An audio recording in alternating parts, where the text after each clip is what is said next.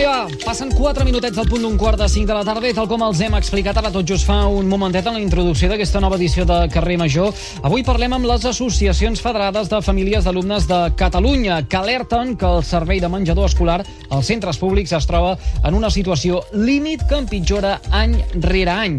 I és que després nou increment en el preu màxim d'aquest servei pel curs 2023-2024, l'import que hauran de pagar les famílies passarà dels 7 euros amb 10 cèntims als 7 euros amb 60 cèntims màxims diaris en el cas de l'alumnat esporàdic i dels 6 i mig als pràcticament 7 euros per l'alumnat fix. Ara mateix, a l'altra banda del fil telefònic, ens acompanya la directora de la FAC, Lidon Gasull. Molt bona tarda i benvinguda al carrer Major de les emissores de la xarxa al Camp de Tarragona.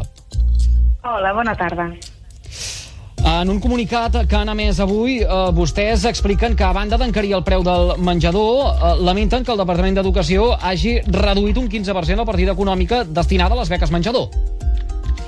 Sí, eh, efectivament, no només el que estem fent és augmentar el preu màxim del servei per tal que els marges de benefici de les empreses no disminueixin, sinó que a més el que estem fent és reduir la partida de, la partida de beques, no? i per tant estem traient no, ajudes a les famílies per tal de que puguin els seus fills i filles poder disfrutar de, del servei, en lloc de ser tot el contrari, no? en tot cas el que s'hauria d'haver fet és eh, intentar mm, baixar una mica el benefici de les empreses i en canvi sí que eh, augmentar els ajuts per tal que, que les famílies no, vegin, no es vegin afectades per aquesta pujada eh, de preus. Des de la federació afirmen que és el segon any consecutiu en què es produeix aquest increment del preu màxim del eh, menjador eh, escolar. De fet, s'havia mantingut congelat fins al curs 2020-2021, eh, moment en què eh, comença eh, un augment progressiu eh, d'aquest servei. Quina explicació hi hauria al darrere? Bé, l'explicació és que, que el, servei, el servei de menjador escolar està externalitzat, les empreses pressionen per tal que els seus marges de benefici doncs, no es vegin afectats i no només que no es vegin afectats, no? sinó que fins i tot puguin, puguin augmentar. No? I per tant, eh, ara, en aquests últims anys, en aquests darrers dos anys, el curs 22-23 i 23-24, sobretot aquest augment es deu a, a la inflació, no? però el que nosaltres eh, hem de tenir en compte és que el menjador escolar és un servei públic, no? que és molt necessari per moltíssimes famílies i que, per tant, no pot anar, al preu no pot anar en relació no? a, als interessos de les empreses privades o fins i tot en, en situacions d'inflació. El que ha de fer el Departament d'Educació és veure com pal·lia aquesta, aquesta situació inflacionària i no traslladar eh, a, a, els costos a, a les famílies usuàries. Mm. De fet, ara que parlem de uh, la inflació que provoca aquest augment generalitzat dels preus, aquesta és una de les causes uh, que uh, diuen des del Departament d'Educació que hauria uh, propiciat uh, aquesta variació en el preu. L'altra seria l'increment salarial previst en el conveni col·lectiu del, del lleure. Senyora Gasull, uh mhm. -huh. han pogut seure amb el departament directament per tal de poder encarar aquesta qüestió? Sí, nosaltres vam, vam seure amb el departament, vam estar parlant en el seu moment sobre, sobre aquesta pujada. El departament el que diu és que aquesta pujada eh, és per l'aplicació d'una fórmula que té en compte la pujada dels preus, eh, els nous pactes no, que s'hagin fet en els convenis col·lectius, no, com el, el del lleure, que nosaltres estem d'acord. El que passa és que nosaltres també sabem que hi ha NAFA, que estan pagant en el, en, en el personal molt més que, que les empreses no, de, de menjador i en canvi no necessiten estar cobrant aquests preus per la prestació del servei. De manera que el que nosaltres sí sabem és que hi ha altres maneres de gestionar el servei de menjador pagant bé als professionals molt millor que aquestes empreses per sobre del que estableix el conveni i a més fer que el menjador escolar no sigui, no sigui tan car. No? Per tant, aquí també el que estem veient és una molt mala negociació per part del Departament d'Educació amb les empreses que presten el servei de menjador. Per tant, eh, senyora Sulla, amb aquesta uh, fórmula que diuen que té el departament, el que uh, això s'estaria el que s'estaria propiciant seria que les empreses tinguessin uns beneficis superiors per allò que estan prestant. Sí, eh, tenen o, o tenen bé o tenen uns beneficis superiors o si més no, mantenen no, els mateixos beneficis sense millorar la prestació de, del servei. I, I nosaltres insistim, insistim que hi ha maneres de gestionar aquest menjador escolar eh, pagant bé en els treballadors, és a dir, amb condicions laborals dignes i sense augmentar aquest, aquest, aquest preu màxim. Uh, senyora Gasull, uh, uh, és una realitat aquesta uh, que, que es dona a tota Catalunya? Ho dic perquè uh, el Departament d'Educació insisteix que les dades que vostès han publicat uh, pertanyen a partides pressupostàries uh, del Consorci d'Educació de Barcelona i no pas de tot l'àmbit català. Mm, no sé a quines dades es refereixen, però les dades que nosaltres hem publicat són les dades que estan publicades um, al diari oficial de la Generalitat de Catalunya, que són per tot Catalunya les dades de, del preu de, del menjador. No sé a quines dades s'estan referint. Mm. En tot cas, dèiem que avui, des de uh, la FAC, les Associacions Federades de Famílies sí. d'Alumnes de Catalunya, s'ha emès uh, aquest comunicat en el que també s'aprofita per denunciar que el Departament d'Educació i els uh, Consells uh, comarcals limiten la participació de les AFES en la gestió del servei de menjador uh, escolar. Perquè ho entenguem tots, uh, a què es refereixen uh, quan diuen això, uh, senyora Gasull? Perquè em penso que ara haurem de parlar també en el uh, cas concret de la comarca del Tarragonès si ens mirem una, una mica al malic, donat que aquest és un eh, programa territorial de l'àmbit del Camp de Tarragona. Sí, a veure, el que nosaltres ens estem trobant és que hi ha una tendència tant per part dels consells comarcals com per part d'alguns consells comarcals, eh, no de tots, i també per part del Departament d'Educació, que el que mm, volen és que les AFA deixin de gestionar el servei de menjador i siguin empreses privades mitjançant eh, la convocatòria d'un concurs públic qui gestionen aquests serveis. El, el problema que nosaltres ens trobem és que quan són les AFA les que estan gestionant aquest servei i són les que negoci negocien eh, els preus, eh, el, el monitoratge, el servei, el que ens adonem és que no només el, el, el servei és de més qualitat, sinó que a més aconsegueixen reduir moltíssim eh, els costos per les famílies. Si ho comparem amb aquells menjadors que es gestionen a través, es gestionen a través de, de concursos públics per part de l'administració. I a part també eh, és una forma que tenen les famílies de poder participar no, en les decisions que afecten els seus fills i filles. Hem de pensar que el, el menjador escolar eh, és sufragat 100% per les famílies usuaris, a excepció de, de les beques menjador. Per tant, és normal també que les famílies usuàries vulguin participar eh, sobre la presa de decisions d'aquest servei. I, I ens trobem doncs, que tant el departament com alguns consells comarcals els hi molesta aquesta participació per part de, de les AFA, volen gestionar-ho ells a través d'aquests concursos públics contractant a grans empreses que el resultat és que acaben posant uns marges en el preu de menjador molt alts, no? que són els que apliquen no? aquests eh, més de 7 euros per, per menú a canvi d'un servei eh, precaritzat. I aquí és on, on les famílies bueno, intenten estar fent aquesta, aquesta lluita. En el cas del Tarragonès, finalment eh, les famílies, gràcies a les seves reivindicacions i a la seva pressió, van aconseguir que el Consell Comarcal els hi renovés no, els convenis per tal que poguessin gestionar eh, el, el menjador escolar un any, un any més, però, eh, clar, eh, és constantment no, una amenaça de cada any treure'ls i, treure'ls la gestió.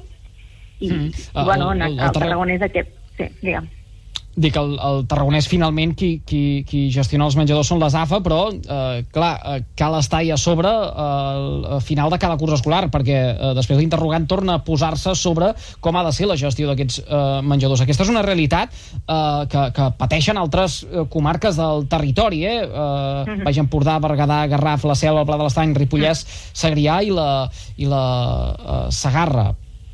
Uh -huh. Sí, sí, és, eh, sí és, és una amenaça constant en treure'ls la, la gestió i normalment a Salva, quan a Salva és gràcies a la pressió de, gràcies a la pressió de, de les AFA, però bueno, ja tenim molts consells comarcals que ja han retirat la gestió a les AFA i que la pressió eh, no, ha servit, no ha servit per res. Eh? Després també tenim que, que el Departament d'Educació no es posiciona mai clarament en favor de, de les AFA perquè també el Departament d'Educació eh, prefereix eh, la contractació pública no, en lloc de, de la gestió per part de les AFA, no? que és una gestió propera i que a part propicia la participació en les decisions que afecten als seus eh, fills i filles. I ens trobem constantment amb aquesta, amb aquesta amenaça. Ens consta que hi hauria consells comarcals que eh, demanarien a les AFAs que es constituïssin com a empreses. És cert, això? Sí, això ha passat en, a, en algun Consell Comarcal, això és, un, això és una barbaritat, perquè el que li estàs demanant a una AFA és que canvi, canvi la seva naturalesa, deixi de ser una entitat sense ànim de lucre que actua pel benefici de l'alumnat, no? pel benefici dels seus fills i filles escolaritzats en un centre per passar a ser una, una empresa gestora de, de menjadors. A, a nosaltres això ens sembla que és intentar acabar amb el moviment de, de les AFA. Un AFA té interès en el seu menjador escolar en tant que eh, és la representant de les famílies de l'alumnat d'aquell centre, no en tant que una empresa que, tu, eh, que, que es vol és lucrar econòmicament per la prestació d'un servei. Per tant, canviar la naturalesa jurídica de les AFA és, és, una, és una barbaritat, a part que, que jurídicament no és necessari, no han de canviar la seva naturalesa per poder gestionar el menjador escolar. Hi ha moltes entitats sense ànim de, de lucre que gestionen, eh, que gestionen serveis, que contracten personal i no necessiten convertir-se en una empresa. El que ens garanteix que el servei eh, sigui de més qualitat i a part es pugui prestar a un preu més econòmic quan és l'AFA que gestiona, precisament és que no té afany de lucre, que no busca un benefici econòmic. I per tant no, aquest marge no, econòmic que sí que busquen les empreses privades, que sempre l'intenten optimitzar al màxim, això no passa amb les AFA no necessiten aquest, aquest marge econòmic. Per tant, elles gestionen per millorar el servei dels seus fills i filles, millorar el servei eh, de menjador de l'escola, no per un altre motiu. Per tant, quan els estem fent canviar de ser una entitat sense ànim de lucre a passar a ser una empresa, els estem canviant la naturalesa i ja deixa de tenir sentit que les AFA gestionen el menjador escolar.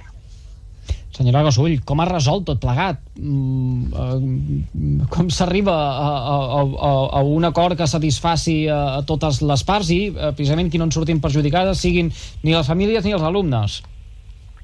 Bé, la fa que el que diu és mentre, mentre no internalitzem la gestió d'aquest servei i, i la incorporem dintre del centre educatiu com un servei educatiu més, no? amb el personal treballant dintre del centre, que, que els treballadors treballen directament per l'administració i coneguin el, el projecte educatiu i que coneguin els nens i les nenes i estiguin directament treballant dia a dia en el centre educatiu, sempre que es vulgui externalitzar el servei, el que nosaltres diem és que hem de prioritzar hem de prioritzar que ho faci l'AFA i només quan l'AFA no vulgui o no pugui gestionar-lo, llavors el podem externalitzar a altres empreses via concursos públics. Però el que hem d'intentar és garantir la màxima proximitat possible. L'ideal seria que no hi haguessin empreses intermediaris, que el personal que treballa en el menjador sigui personal eh, directament contractat per l'administració pública, que treballin en el centre educatiu, això és l'ideal, perquè això és el que ens garanteix aquesta proximitat i també eh, el fet de que no hi hagi una empresa no, que hagi d'obtenir un, un benefici econòmic, però quan això no ho podem garantir, el que hem de prioritzar és que sigui l'AFA que gestiona. Per què? Perquè és la principal interessada, perquè no té afany eh, de lucre i perquè les AFA sempre intentaran tenir el millor servei possible perquè són els seus fills i filles els que es queden a, a dinar, no? I per tant també tenim una gestió molt propera, sí?, eh, en, en el centre, una, una gestió de proximitat que ens permet tenir un millor menjador. Eh, començar a externalitzar els menjadors escolars, posar-los en mans d'empreses de, privades que guanyen grans concursos públics, això l'únic que fa és precaritzar el servei, pèrdua de qualitat i encariment del cost, que és el que està passant.